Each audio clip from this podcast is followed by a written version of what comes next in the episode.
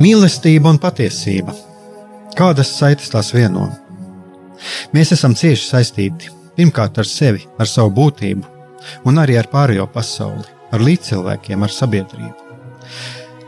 Kur ir mūsu vieta šajā pasaulē? Kā mums katram atrast savu patieso aicinājumu un vietu? Kā sasniegt savas dzīves piepildījumu, mīlestību? Kādi šķēršļi gan mūsu sirdī un prātā sastopamie, gan ārējie aizķēso mūsu ceļu pie Dieva? Šie jautājumi ir mūsu dzīves sastāvdaļa, svarīgi mūsu ceļā uz svētumu. Meklēsim šajā raidījumā kopā atbildes uz šiem jautājumiem. Ieklausīsimies, ko Dievs mums vēlas pateikt ar visu, ko sastopam savā dzīvē. Lai mūsu sirds un prāti atveras mīlestībai un patiesībai, raidījums mīliet cits citu.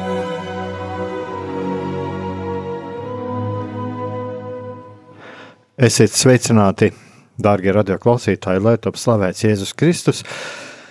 Studijā atkal esmu es, Aigars Brīsmanis, un mēs atkal esam kopā ar Jāni Jākopsonu. Un mēs, eh, es domāju, ka mēs atkal savā ziņā turpināsim to, ko mēs jau esam sākuši. Un šodien, eh, šodienas temats ir pateicība, spēja pateikties. Un kaut kādā ziņā mani tas ierosināja, um, klausoties radio raidījumu, rīta svētrītu tas bija jau pirms pusotras nedēļas emerit, emeritētā mm, Lutāņu biskupa Brūvera uzrunu, kur viņš runāja par pateicību, ņemot no svētajiem rakstiem no Lūkas evanģēlijā 17. nodaļas šo piemēru par eh, šiem eh, spitālīgajiem desmit, kurus Jēzus dziedināja un atgriezās tikai viens. Un eh, savā ziņā es domāju, ka mums ir ļoti vērtīgi paskatīties, ieskatīties pašiem sevi, ieklausīties sevi, kas mums ir paties, pateicība, pateicības jūtas, kāpēc šī pateicība ir vajadzīga Un, eh, jā, un ko tā mums, ko tā mums dzīvē dod? Uh, jā, runājot par uh, pateicību no tāda psiholoģiska aspekta, tas, ko es vēlos uh, pašā sākumā minēt, protams, tas ir jau visiem zināms zinātnisks fakts, ka pateicība viņa izdala laimes hormonus cilvēka smadzenēs, Un, um, ja cilvēks spēja apzināti pateikties par savu dzīvi, viņš spēja būt priecīgs, patiesi priecīgs, bez jebkādām mm, kaut kādām apslēptām, teiksim, mm, uzvedības formām, ja viņš spēja būt tiešām godīgs un, uh, un, un pateicīgs pret savu dzīvi, tad uh, viņa smadzenēs arī daudz izdalās šo laimes hormonu, kas, protams, cilvēku pasargā arī no dziļas trauksmes un no depresijas, jo uh, mēs arī zinām zinātniskos faktus, ka cilvēki, kuriem ir uh, tātad klīniskā depresija, ja, jeb klīniskā psihologa vai psihiatra atzītā depresija kā diagnoze, ja skatīties no tāda zināt, zinātniskā pieejama, tad cilvēks smadzenēs trūkst šo te dažādu veidu laimes hormonu, jā, kā dopamīns, serotonīns, pārējos tagad aizmirsu, vēl bija divi, jā. Bet uh, trūkst šo vielu, kas cilvēkam uh, tātad, nu, arī atņem šo enerģiju, uh, viņā ierosina šo tādu pasīvo uzvedību, nomāktību, skumjas, neticību sev, uh, intereses uh, pazušana pret tām lietām, kas agrāk patika, pazūd arī interese pret jebkādu seksuālo tieksmi, tieksmi sevi profesionāli realizēt, arī lūgt Dievu un tā tālāk. Tāpēc pateicība ir ļoti nopietna lieta, un ja mēs spējam būt pateicīgi, tad mēs arī lielā mērā sevi pasargājam no daudzām psiholoģiskām problēmām. Tas, ko tu pieminēji, tas tā vairāk izklausījās tieši, kas uz tādām depresīvām pazīmēm attiecās. Bet uh, man nāk uh, prātā arī tādi citi piemēri, un es domāju, ka vairāk vai mazāk, ja mēs arī paskatītos savā pagātnē, vai tajā, ko mēs piedzīvojām apkārt, tad vēl ir, es domāju, ļoti būtiski ir arī parunāt par tajiem mehānismiem, un arī par tiem cēloņiem būtībā. Pirmais jau ir šis cēlonis, kas veido šos, šos mehānismus, kas, kas mums traucē pateikties. Viena lieta ir šī mm, nespēja pateikties, tātad lūk šie šie, šie hormoni, par ko tu minēji, kā lūk, šī pateicība viņus veicina, bet ir vēl, manuprāt, ir vēl viena lieta, kas ir, ja cilvēkam nav šīs, šo pateicību, es jūtu, bet viņš jau tomēr meklē sevi kaut kādu piepildījumu. Un vai šeit mēs arī nevaram runāt arī par kaut kādām atkarībām vai par kaut kādām tendencēm, kur cilvēks kaut kā mm, egoistiski cenšas sev piepildīt? Tu domā, ja tā kā viņš nav pateicīgs un viņam ir. Uh... Jā, viņam ir kaut kāds, kaut kāds bloks. Uh, Nu, man vienkārši nāk prātā mm, diezgan daudz gadījumu, sevišķi cilvēki ir saskārušies ar tiem, kas ir, mm, nav saņēmuši kaut kādu atzīšanu bērnībā, mm, kas vai nav bijuši atzīti ģimenē, kas, kas ir auguši bez vecāku mīlestības. Tad bieži vien šiem cilvēkiem ir tendence ņemt Viņi ņem, Jā. ņem, ņem, un viņam ir uzskats, ka viņam pienākās. Jā. Viņam ir ļoti grūti ieraudzīt uh, to, ka viņam dod, un viņiem ir bieži vien ļoti grūti dot otram. Jā. Viņš ir kaut kādā emocionāli palicis tādā līmenī, kā bērns. Jā, jo došana šajā gadījumā kādam kaut ko, ja tu pats neesi saņēmis, tas tam cilvēkam ir apdraudējums jo viņš ir piedzīvojis to, ka uh, viņš nav saņēmis, jā, un kā viņš no savas puses varbūt bērnībā gribētu dot, jā, arī vecākiem kaut kādu, teiksim, paklausību, uh, sekmīgi mācīties, bet tā rezultātā, ka viņš pats nav saņēmis šo, šo te mīlestību, uzmanību, kā tu saki, viņā ir šī te plaisa, jā, kur viņš uh, cenšas aizpildīt un kuru aizpild arī pārējie, bet viņš to it kā nepamana, viņam vajag vēl un vēl, un viņš no savas puses nav gatavs dot, jo tas priekš viņas ir pielīdzināms apdraudējumam, tāpēc, ka viņš eh, baidās, nu, galīgi sevi iztukšot. Uh, nu, šādā scenārijā, man tā liekas. Nu jā, un te vēl viena lieta arī ir um, grūtības uzticēties un tā tālāk. Jā. jā, tu esi kaut ko vēl sagatavojis, es skatos. Uh, jā, daudz ko esmu sagatavojis, bet uh, tas, ko tagad vēl, vēl vēlos tā ieskicēt, ka uh, noteikti pateicība cilvēka dzīvē viņa piedzimst un sāk manifestēties tad, kad cilvēks dzīvo tādu apzinātu dzīvi. Un ar apzinātu dzīvi es domāju, ka mm, mēs saprotam, kas es esmu, ne tikai kā mani sauc, bet kas es esmu kā personība, kas ir manas intereses, kādi ir mani mērķi, un tas, ko, uz ko liek eksistenciālā psihoterapija eh, akcentu, Viktors Franklis ir sevišķi, eh, kas ir mana jēga. Jā, mēs runājam par to iepriekšējā raidījumā, nodefinēt, kāda ir mana dzīves jēga. Nevis tas, ko man kāds pasaka, bet kas priekš manis tiešām ir dzīves jēga. Un tad, kad es spēju sev noformulēt to, un kad es tiecos uz šo jēgu, tad arī es realizēju sevi kā personību šajā gadījumā. Uh, Un kad es varu sev nodefinēt, kas es esmu, kas ir manas intereses, kādi ir mani mērķi, kādas ir manas, kādi ir mani ierobežojumi, kāds ir mans nespēks, kāds ir mans spēks, no kā es baidos, kur es vēlos sevi izaicināt, kad es apzinos, kas esmu, tad arī es spēju arī pateikties par tām lietām, kas manā dzīvē notiek. Nu jā, tu arī piemini to apziņotību, un šķiet, jā, ka tas arī sajiet kopā ar to, ka uh, Nu, patiesībā jau, lai es pateiktos, tad uh, ir jābūt objektam. Jā. Nu, tas objekts ir tas, par ko man pateikties. Un, un te ir viena tāda būtiska lieta, arī tas, ja cilvēks eh, tiešām nav saņēmis šo mīlestību, viņš nav saņēmis to, ko, nu, ko būtībā ir, kas mums katram būt, ir vajadzīgs un kas pienākās. Un sevišķi viņš no to bērnībā saņēmis, ja viņš ir piedzīvojis ievainojumus, pāri darījumus, tad viņš koncentrējās uz to.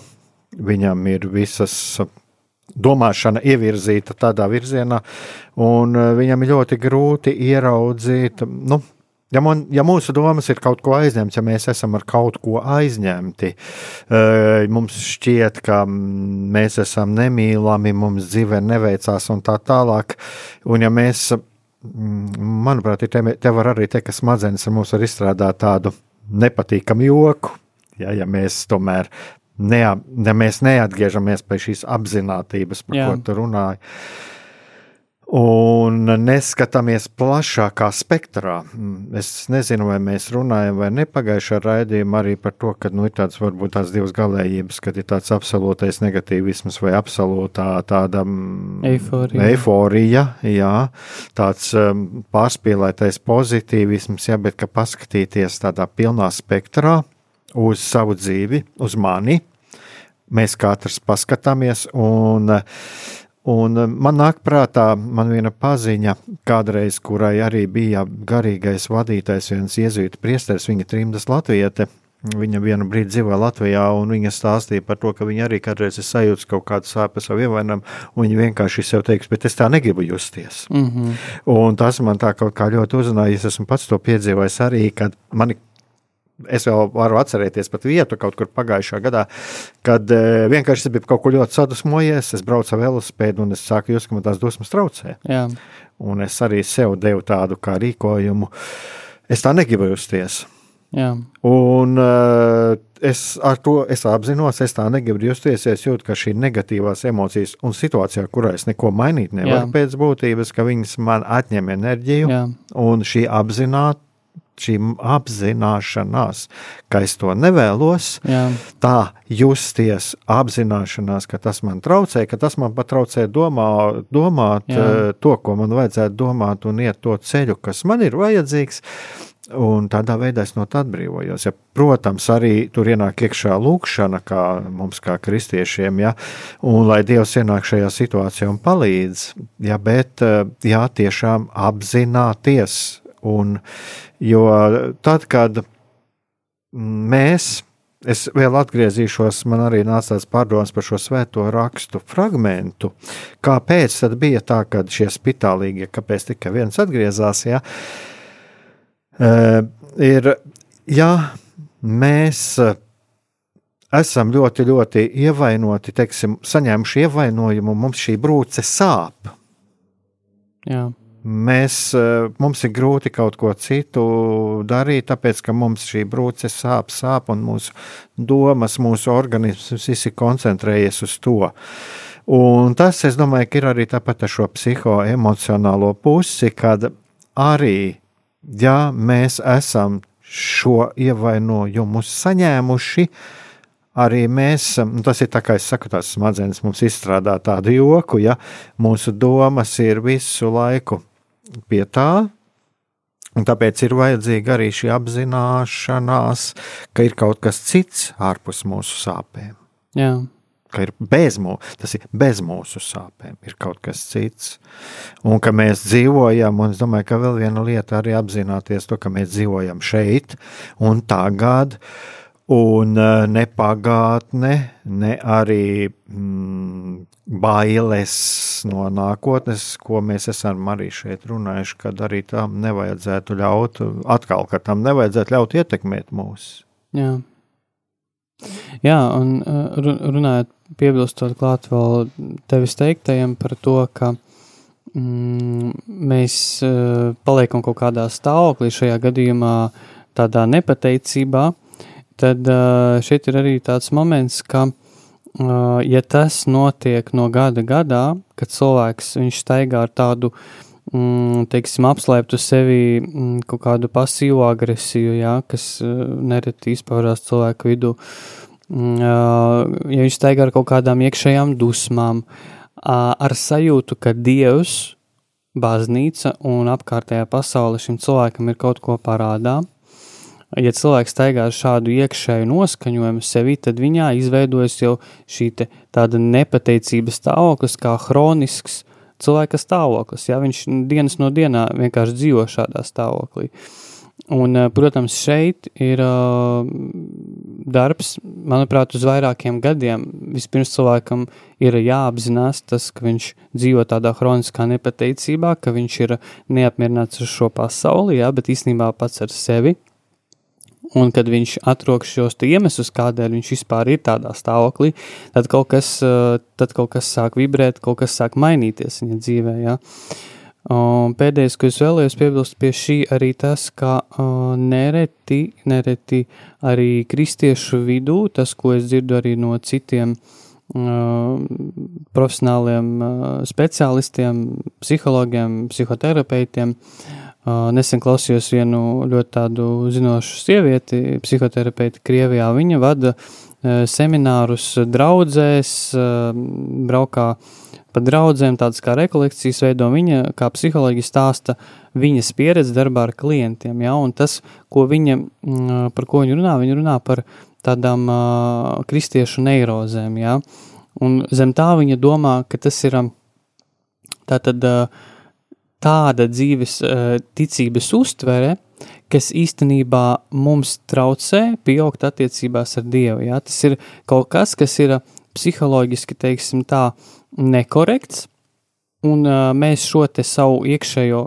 psiholoģisko kaut kādu stāvokli, problēmu, nepareizo, teiksim, pasaules uztveri, jeb to, kā mēs redzam šo pasauli, mēs viņu pārnesam attiecībās ar Dievu un attiecībās ar baznīcu. Ja?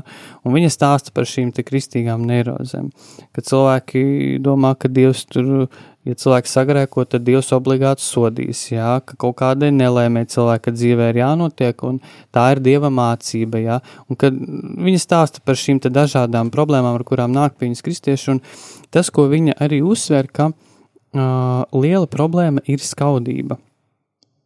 Skaudība tādā ziņā, ka uh, cilvēks tā arī saka, viņš atnāk pie speciālista, un viņš saka, tad, kad es nebiju ticīgs, Nu, man it kā bija tā skaudība, bet viņa tā varēja regulēt. Bet es kļuvu ticīgs un es kļuvu ļoti skaudīgs. Es braucu no dievkalpojuma uz mājām, es skatos uz tiem cilvēkiem ārpusē, un īstenībā es uz viņiem dusmojos, jo man skauž, kā viņi dzīvo. Nu, kad tur, teiksim, cilvēks māk priecāties, vai viņam tur ir mašīna vai labāks darbs, ja par tādām lietām. Un tas, ko šī psihoterapeita uzsvēra, viņa teica, ka, un šeit ir svarīgs moments, mēs varam atzīt to, ka mums skauž, tas nav grēks. Mēs varam atzīt to, ka mums ir šis stāvoklis, bet mums nedrīkst palikt šajā stāvoklī. Tas, ko mums ir jāizdara, mums ir jāsaprot, kāpēc man skauž. Bet tas, ka man ir šī skaudība, kā tāda uh, mom momenta emocija, nu, tas nozīmē, ka viņa man vienkārši ir. Un, ja es to noliekšu, ja es ne, nesapratīšu, kādēļ man skauž, tad eh, es turpināšu dzīvot tādā, mm, principā, melojot sev. No ārpuses varbūt izskatīsies, ka manā dzīvē viss ir kārtībā, un eh, es uzvedos tā, ka viss būtu forši, bet īstenībā man ir skaudība, man ir dusmas pret Dievu, ka Dievs man it kā kaut ko nedod, un es ar šo, šādu stāvokli dzīvoju. Tāpēc ļoti svarīgi arī atzīt šo skaudību, ja viņa ir mūsu dzīvē, un tas ir normāli, ja viņa parādās. Nenormāli ir viņā palikt un turpināt skaust bet atzīt to, ka man ir šād, šādas uh, jūtas, ka man ir šāds stāvoklis emocionāls, manuprāt, tas ir, tas ir pirmais solis uz uh, dziedināšanu. Uh, jā, ļoti vērtīgi to pateici par šo, šo skaudību, jo man šķiet, ka ir arī šeit runāts pie mums, ir runāts par dusmām, par dažādām jūtām, bet šeit, ja mēs redzam, ka arī skaudība būtībā ir tā Mm, jūtas, un jūtas ir instruments, kurš mums palīdz.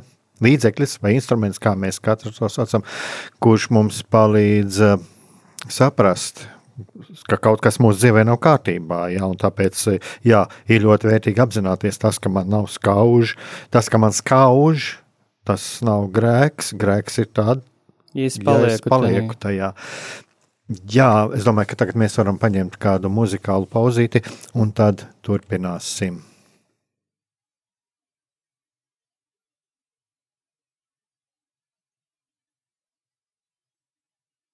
Factus est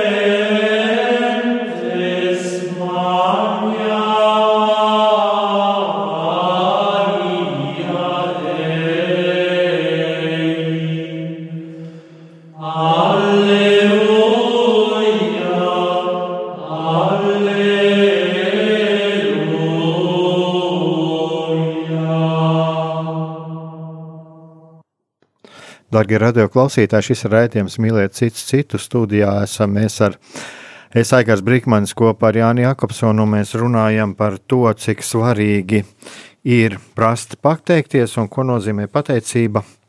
Un es te ieminējos par to, ka, ka mm, es arī kaut ko pateikšu par tās savas pārdomas par šo fragmentu no, no svētajiem rakstiem, kur Jēzus dziedināja šos spitālīgos. Un lūk, šis jautājums, ko, ko mēs arī varam izlas, izlasīt, arī ko Jēzus uzdod šo jautājumu, kāpēc tad atgriezās tikai viens, kur tur palika tie pārējie deviņi. Un es domāju, ka te mēs, eh, ja mēs lasām svētos rakstus, tad ļoti interesanti ir, ja mēs tā paskatāmies, iedziļināmies. Tie cilvēki, kuri, mm, kuri tur ir pieminēti, eh, mēs jau neredzam, kas tālāk ar viņiem notika. Mēs nezinām, kas notika tālāk ar šiem deviņiem.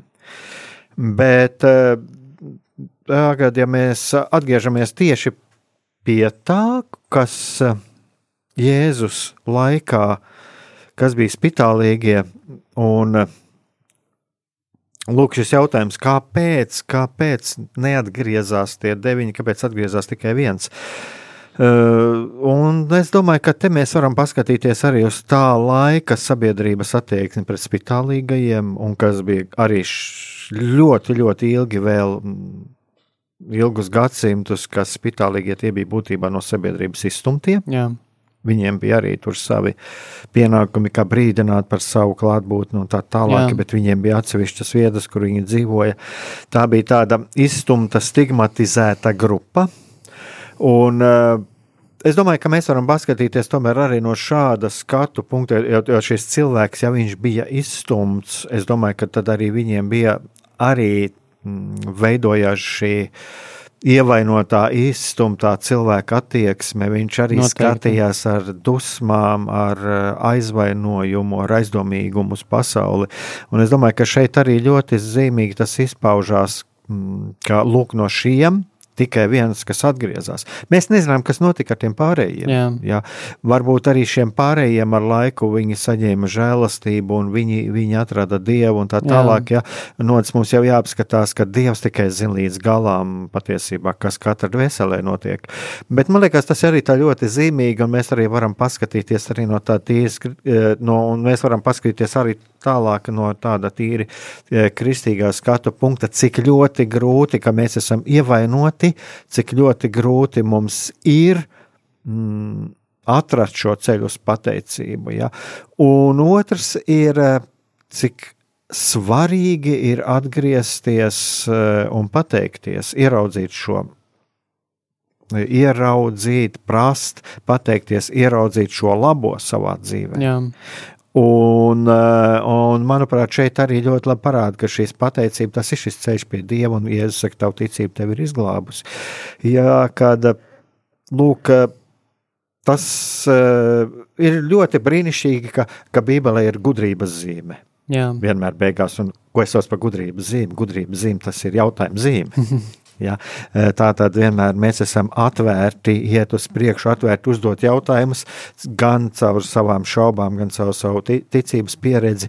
Bet es domāju, ka šeit ir tā ir ļoti būtisks piemērs, ka lūk, šie cilvēki, kas bija jau tā fiziski piedzīvojuši jau smagas ciešanas, un viņi bija piedzīvojuši arī šo apstumtību no sabiedrības. Tā sabiedrība toreiz cīnījās ar šo slimību. Jā. Jā. Un, eh, tas tomēr bija ļoti liels ievainojums un, un ļoti, ļoti grūti ir ieraudzīt. mm, Ieraudzīt šo ceļu uz patiesību, kā es, kā es nezinu, pat kā to īsti formulēt. Ļoti grūti ir pateikties, jo viņi aizgāja, vismaz man tā šķiet, viņi arī aizgāja, tomēr viņi fiziski dziedināti, bet viņi aizgāja tomēr ar šo ievainojumu, ar šo baiļu, nedrošības, neusticības nastu. Un tad tikai viens atgriezās un pateicās, bet tā arī žēlastība viņam bija. jā. Es te absolūti piekrītu par to vienu cilvēku, kas atgriezās. Mm, Tā bija noteikti viņa dzīvē liela žēlastība. Un, protams, mēs šeit varam minēt tikai kādēļ viņš atgriezās, kādi bija viņa iemesli, bet es domāju, ka tas, kas ir skaidrs no šī teksta, ir tas, ka šis cilvēks vienkārši bija tik ļoti priecīgs, ka viņš ir izrauts ārā no tā bezdibeņa, ja? uh, ka viņš vienkārši vēlējās nokrist pie, pie, pie Jēzus kājām, pie Dieva kājām un, un, un pateikties Jēzum. Un uh, man arī patīk tas, ka mēs neredzam svētajos rakstos, uh, ka Jēzus norātu uh, tos deviņus, kas nepateicās. Manuprāt, tur ir moments, kur viņš min, ja, ka atgriezās tikai viens pateikties, Jā. bet viņš nenosauc tos deviņus par kaut kādiem tur uh, sliktiem vai dīvainiem. Viņš vienkārši pasaka, ka viņi nepateicās. Ja. Un šeit ir arī atkal parādās tas dievišķais tāds attēls, ka Jēzus mums atklāja, arī kā bieži pāvests Francisks to eh, saka, ka Jēzus mums atklāja mīlošā tēva uh, vaigu, jā, mīlošā tēva sirdi. Un šis ir arī tāds ļoti svarīgs mm, mūsu dzīvē, kristiešu dzīvē svarīga atklāsme, kā uh, mācīties ieraudzīt Dievu kā mīlestības tēvu, ja, par ko mēs arī jau bijām runājuši, nevis kā, kā soļi. Un, un tas, kādēļ mēs bieži vien uh, esam tādās varbūt ne, ne līdz galam atrisinātās attiecībās ar Dievu, jo mums ir šīs neatrisinātās attiecības ar mūsu miesīgajiem tēviem, uh, skolotājiem, pedagogiem. Mums ir kaut kādas sāpes, kaut kādi ievainojumi, un ja mums bērnībā ir bijusi šī piesaiste attiecībā pret mūsu vecākiem vai kādu citu autoritāti, ceļšķi pēc septiņu gadu vecuma, kad bērnam vairāk vecāki uh, nav tik liela autoritāte, septiņos gados bērnam uh, autoritāte sāk palikt viņa pedagogs, jā, tāpēc ir ļoti svarīgi, ko pedagogs māca bērniem, pedagogiem ir ļoti liela atbildība tādā ziņā, kā viņi formē tālāk cilvēku. Un, un jā, un ja mūsu dzīvē ir, šie, tie, ir bijusi šī sāpīgā piesaiste, tad mums arī būs, gribot, negribot, šī sāpīgā piesaiste attiecībā pret Dievu. Varbūt tad, kad cilvēks atgriežas pie Dieva, sākumā arī manā dzīvē tā ir bijis, tad, kad tu esi neofīts, un tas ir tulkojumā no grieķu vārda jaunatgrieztais, jā. Ja? pirmie kristieši bieži sevi saukāja par neofītiem. Tad, kad tu atgriezies pie Dieva, protams, tev Dievs dod daudz žēlastību, un tu esi tādā kā eiforijā, kas ir brīnišķīgi, un, un Dievs tādā veidā mēdz ievadīt cilvēks kristīgajā dzīvē, bet tālāk sākas tāds nopietnāks darbs, jo Dievs grib ar mums uh, ciešākas attiecības. Un šeit sāk parādīties visādi mūsu mošķīši, jā, visādi ievainojumi, uh, neatrisinātās uh, attiecības, um, nepiedošana, aizvainojums, skaudība. Un, un uh, arī tas, kā mēs redzam Dievu, ka mēs Dievā neapzināti redzam šo te tēvišķo figūru, un ja mani bērnībā pievīla kaut kur tēvs, tad Dievs man noteikti kaut kur pievils. Viņš man nedos tik labu dzīves draugu, ar kuru es būšu laimīgs noteikti, tam dzīves draugam būs kaut kāda atkarība, vai viņš kaut ko slēps no manis, Dievs man nepalīdzēs atrast labu darbu, tāpēc, kad, nu kā, nu, nu viņam taču kaut kā man ir jāpieviļ, jā, un tad mēs ar savu uzvedību ikdienā īstenībā daram neapzināti uh, tik daudz, uh, teiksim, uh, ja mūsos neapzināti dzīvo šī tāda nostādne, ka Dievs mani kaut kur pievils, tad mēs savā ikdienā uzvedamies tā, lai mēs pieviltos. Tas ir arī tāds zemapziņas fenomens, par ko Jungs stāstīja. Kamēr mēs šo te tātad uh, mūsu dzīvē tas neatklājas, kamēr mēs to neizdabūnam no savas zemapziņas, ka mēs dzīvojam ar šādu, teiksim tā, skatījumu, jā, attiecībā pret Dievu, tad uh, ir grūti. Ir grūti, jā. Nu, jā, te ir atkal jāatgriežas pie tā, ka attiecības ar Dievu mēs veidojam, mēs redzam izkropļotā veidā Dievu. Mm, tādā veidā mēs to redzam, kā mēs esam to piedzīvojuši. Piedzīvojuši no, nu, pirmkārt jau no vecākiem. Jā.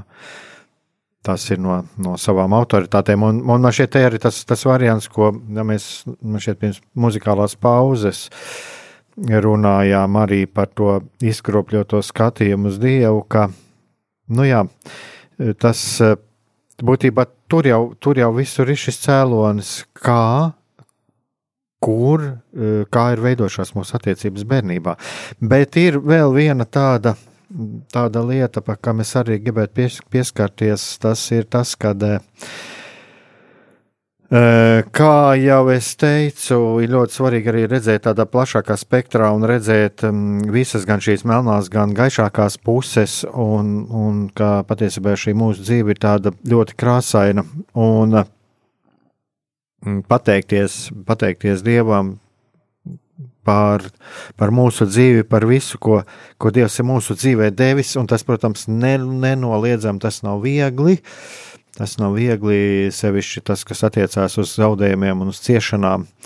Un uh, mums bieži vien tur nav atbildes uz to, un tad ir ļoti svarīgi tās lietas, ko mēs nevaram mainīt, viņas tiešām atstāt Dieva ziņā. Bet uh, man Es kādreiz lietoju arī tādu jēdzienu, tad dieva mīlestības vēstulītes, tādas izpausmes, ko mēs no dieva varam piedzīvot.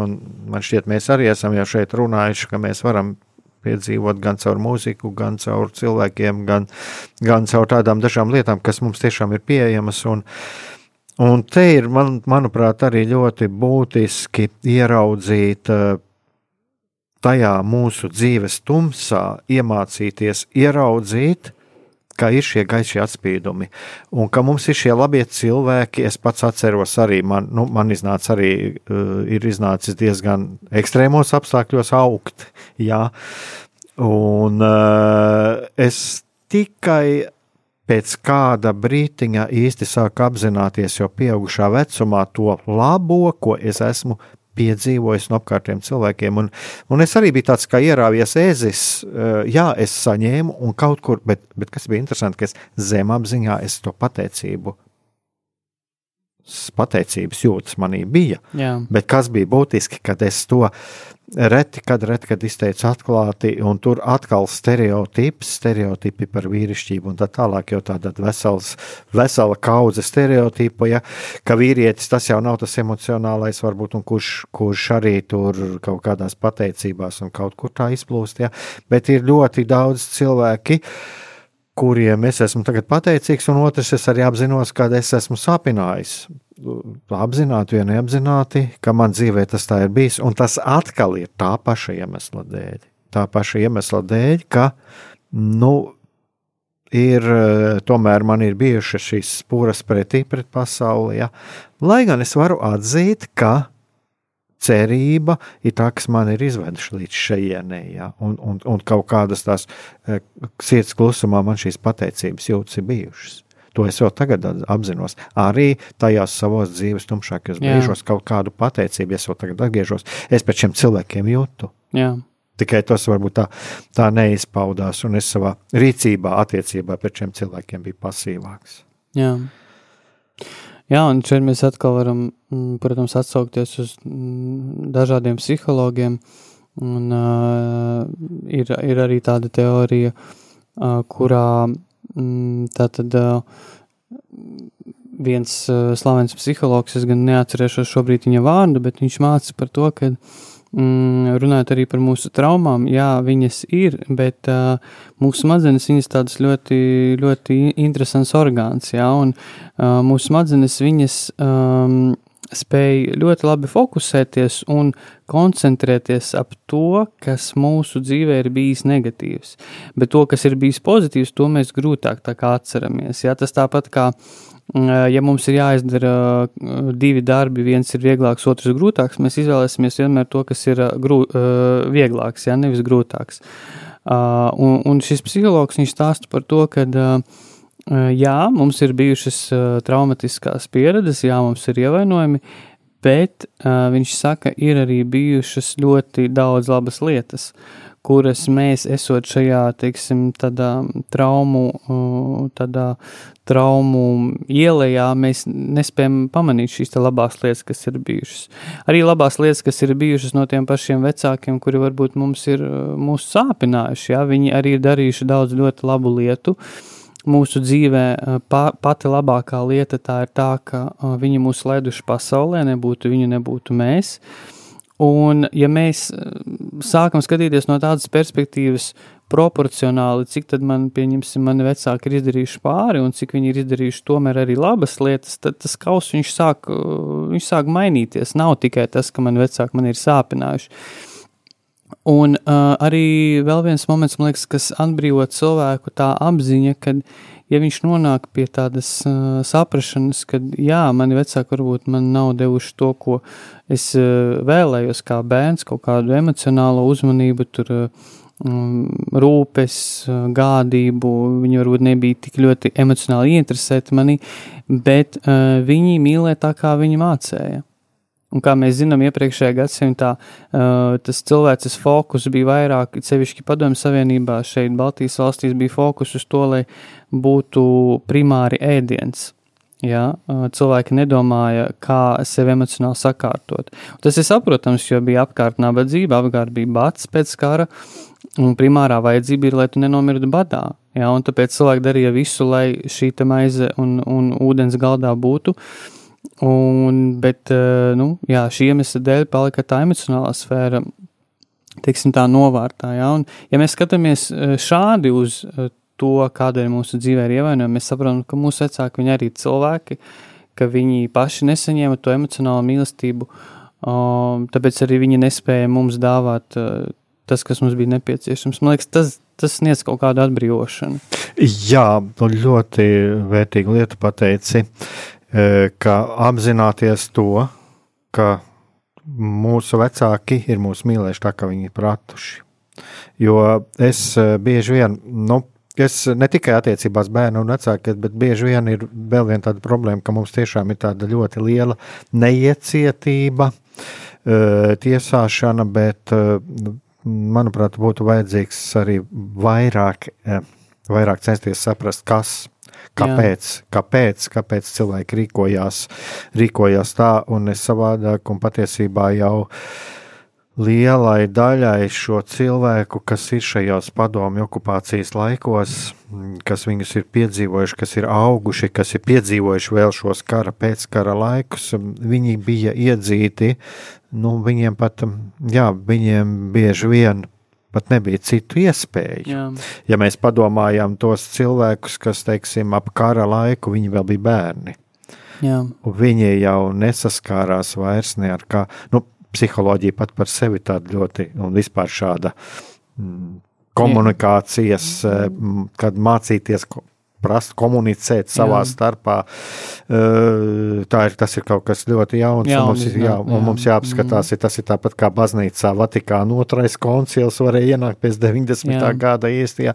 Tā arī šis visas pārējās lietas, un tur ir jāpaiet ļoti, ļoti ilgam laikam, lai arī to saprast. Tāpēc es domāju, ka tā arī ir viena ļoti būtiska lieta, ieraud, saprast, ka cilvēki, kuri tajā laikā dzīvoja, viņi dzīvoja ļoti smagos apstākļos, Un eh, viņi bieži vien tas, kā viņi mīlēja, viņi palīdzēja, kā vien viņi prata. Nu, jā, un tas ir ļoti atbrīvojoši, ja mēs eh, sākam saprast tos cilvēkus, jā. kurus mēs līdz, kurus, jā, uz kuriem mēs skatījāmies ar aizvainojumu līdz tam. Jā. Tā ir ļoti, ļoti atbrīvo, atbrīvojoša sajūta. Tā, jā. Varbūt muzikāla pauze. Varbūt vēl uzliksim, un tad arī būs pamazām jātuvojas noslēgumam. Un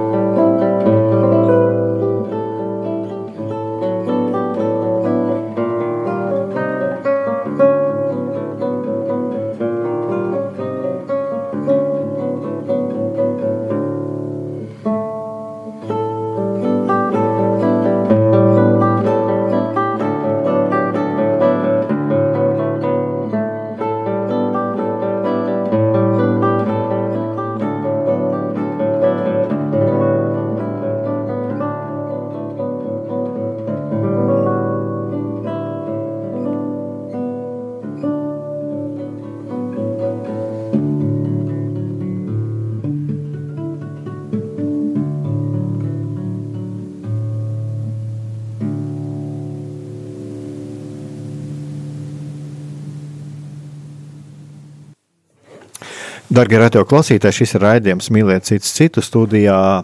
Esmu es un Aigars Brikmans un Jānis Jākopsons, un mēs runājam par to, cik, cik ļoti svarīgi ir prasa pateikties, un mēs pieskārāmies arī tādai tēmai, kā attieksmē citiem cilvēkiem ar attieksmē pret vecākiem, un cik ļoti svarīgi ir saprast arī to, ka tie cilvēki, mūsu vecāki, ar kuriem mums nav bijušas sevišķi labas attiecības, kur mēs esam saņēmuši arī jūtam, ka mēs esam saņēmuši kādus ievainojumus, ka viņi bieži vien viņi ir tie, kas mīlē, kā viņi prāta. Un patiesībā tas bija tāds ļoti, ļoti smags laiks, kas, kas bija viņiem jāpiedzīvo.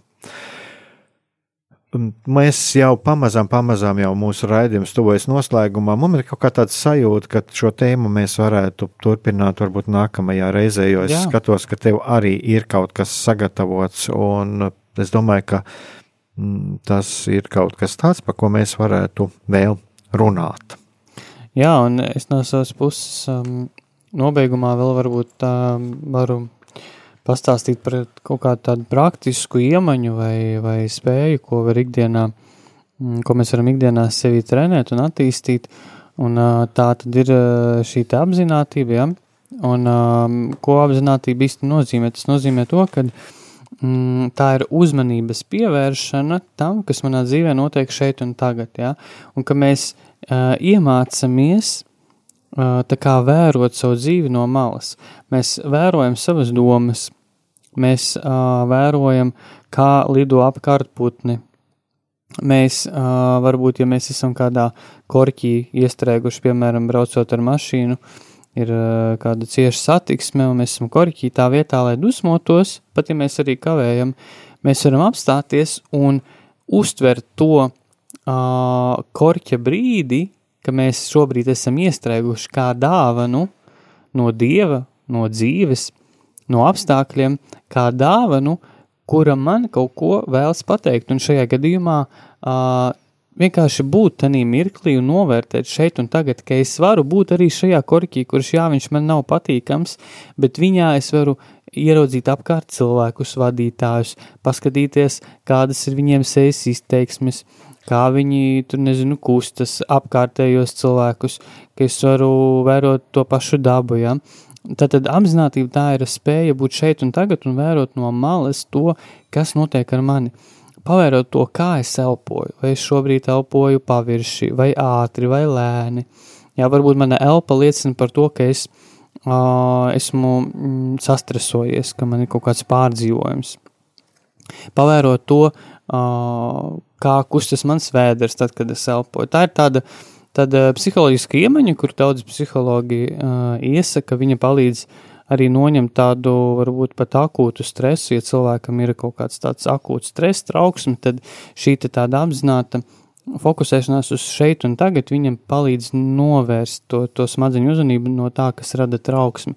Un arī vispār, ja mēs ikdienā spējam ieviest šo tādu psiholoģisko praksi savā dzīvē, tad mēs arī spējam ļoti daudz saskatīt Dievu, jo ar to, ka mēs vērojam pasauli lēni, bez jebkādas eh, kritikas, bez, bez jebkādas, mm, ka mēs nevērtējam notikumus, mēs vienkārši esam šeit un tagad, mēs vērojam pasauli, mēs vērojam cilvēkus, vērojam sevi, mēs arī spējam ieraudzīt Dievu šajā klusumā. Jā, un tas ir ļoti būtiski vērojot bez kādas kritikas. Un te atkal jāatgriežas pie tā, ka arī Jēzus pret tiem cilvēkiem, kuri pret tiem deviņiem, viņš arī nu, neizteica kritiku. Viņš vienkārši, viņš vienkārši e, izteica savu redzējumu par, šiem, par šo situāciju. E, es no savas puses gribētu piebilst e, par šo pateicību, kāpēc arī ļoti svarīgi ir pateikties, un tieši arī katrs mēs varam padomāt eh, un pameklēt, par ko mums dzīvē pateikties, eh, kāpēc. Es domāju, ka šis arī tāds apzināta meklēšana, par Jā. ko mēs varam pateikties, tas eh, gribot vai negribot, tas arī virza mūsu domas uz to labo, ko mēs esam piedzīvojuši, uz to, kas mūs var stiprināt, Un, uh, gribot, negribot, mēs atradīsim, par ko mēs varam pateikties, un ieraudzīsim arī to, uh, kādā veidā Dievs mums sniedz un kādas dāvanas Viņš mums sniedz. Jā, un pats interesantākais, ka mēs varam tiešām, kā tu saki, atrast, par ko pateikties, ja, un ja mēs Dievam varam no visas sirds tiešām izteikt to pateicību, uh, tad mēs arī varam Dievam droši tā lūgt, ka Dievs, bet es gribu vēl piedzīvot šo skaisto, kas ir manā dzīvē bijis, lai es varētu vēlreiz tev pateikties. Un es domāju, ka Dievs viņš arī mums nāks pretī.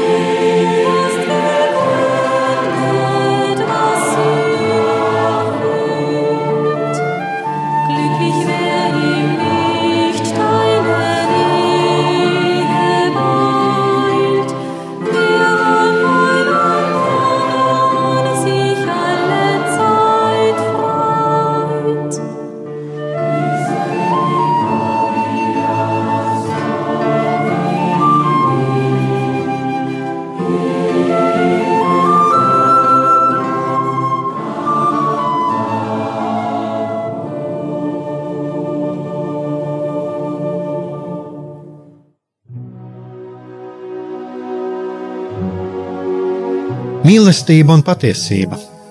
Kādas saites tās vieno? Mēs esam cieši saistīti pirmkārt ar sevi, ar savu būtību, un arī ar pārējo pasauli, ar līdzcilvēkiem, ar sabiedrību. Kur ir mūsu vieta šajā pasaulē? Kā mums katram atrast savu patieso aicinājumu un vietu? Kā sasniegt savas dzīves piepildījumu, mīlestību? Kādi šķēršļi gan mūsu sirdī un prātā sastopamie, gan ārējie aizķēso mūsu ceļu pie Dieva? Šie jautājumi ir mūsu dzīves sastāvdaļa, svarīgi mūsu ceļā uz svētumu. Meklēsim šajā raidījumā kopā atbildes uz šiem jautājumiem. Ieklausīsimies, ko Dievs mums vēlas pateikt ar visu, ko sastopam savā dzīvē. Lai mūsu sirds un prāti atveras mīlestībai un patiesībai, raidījums mīliet citu citu.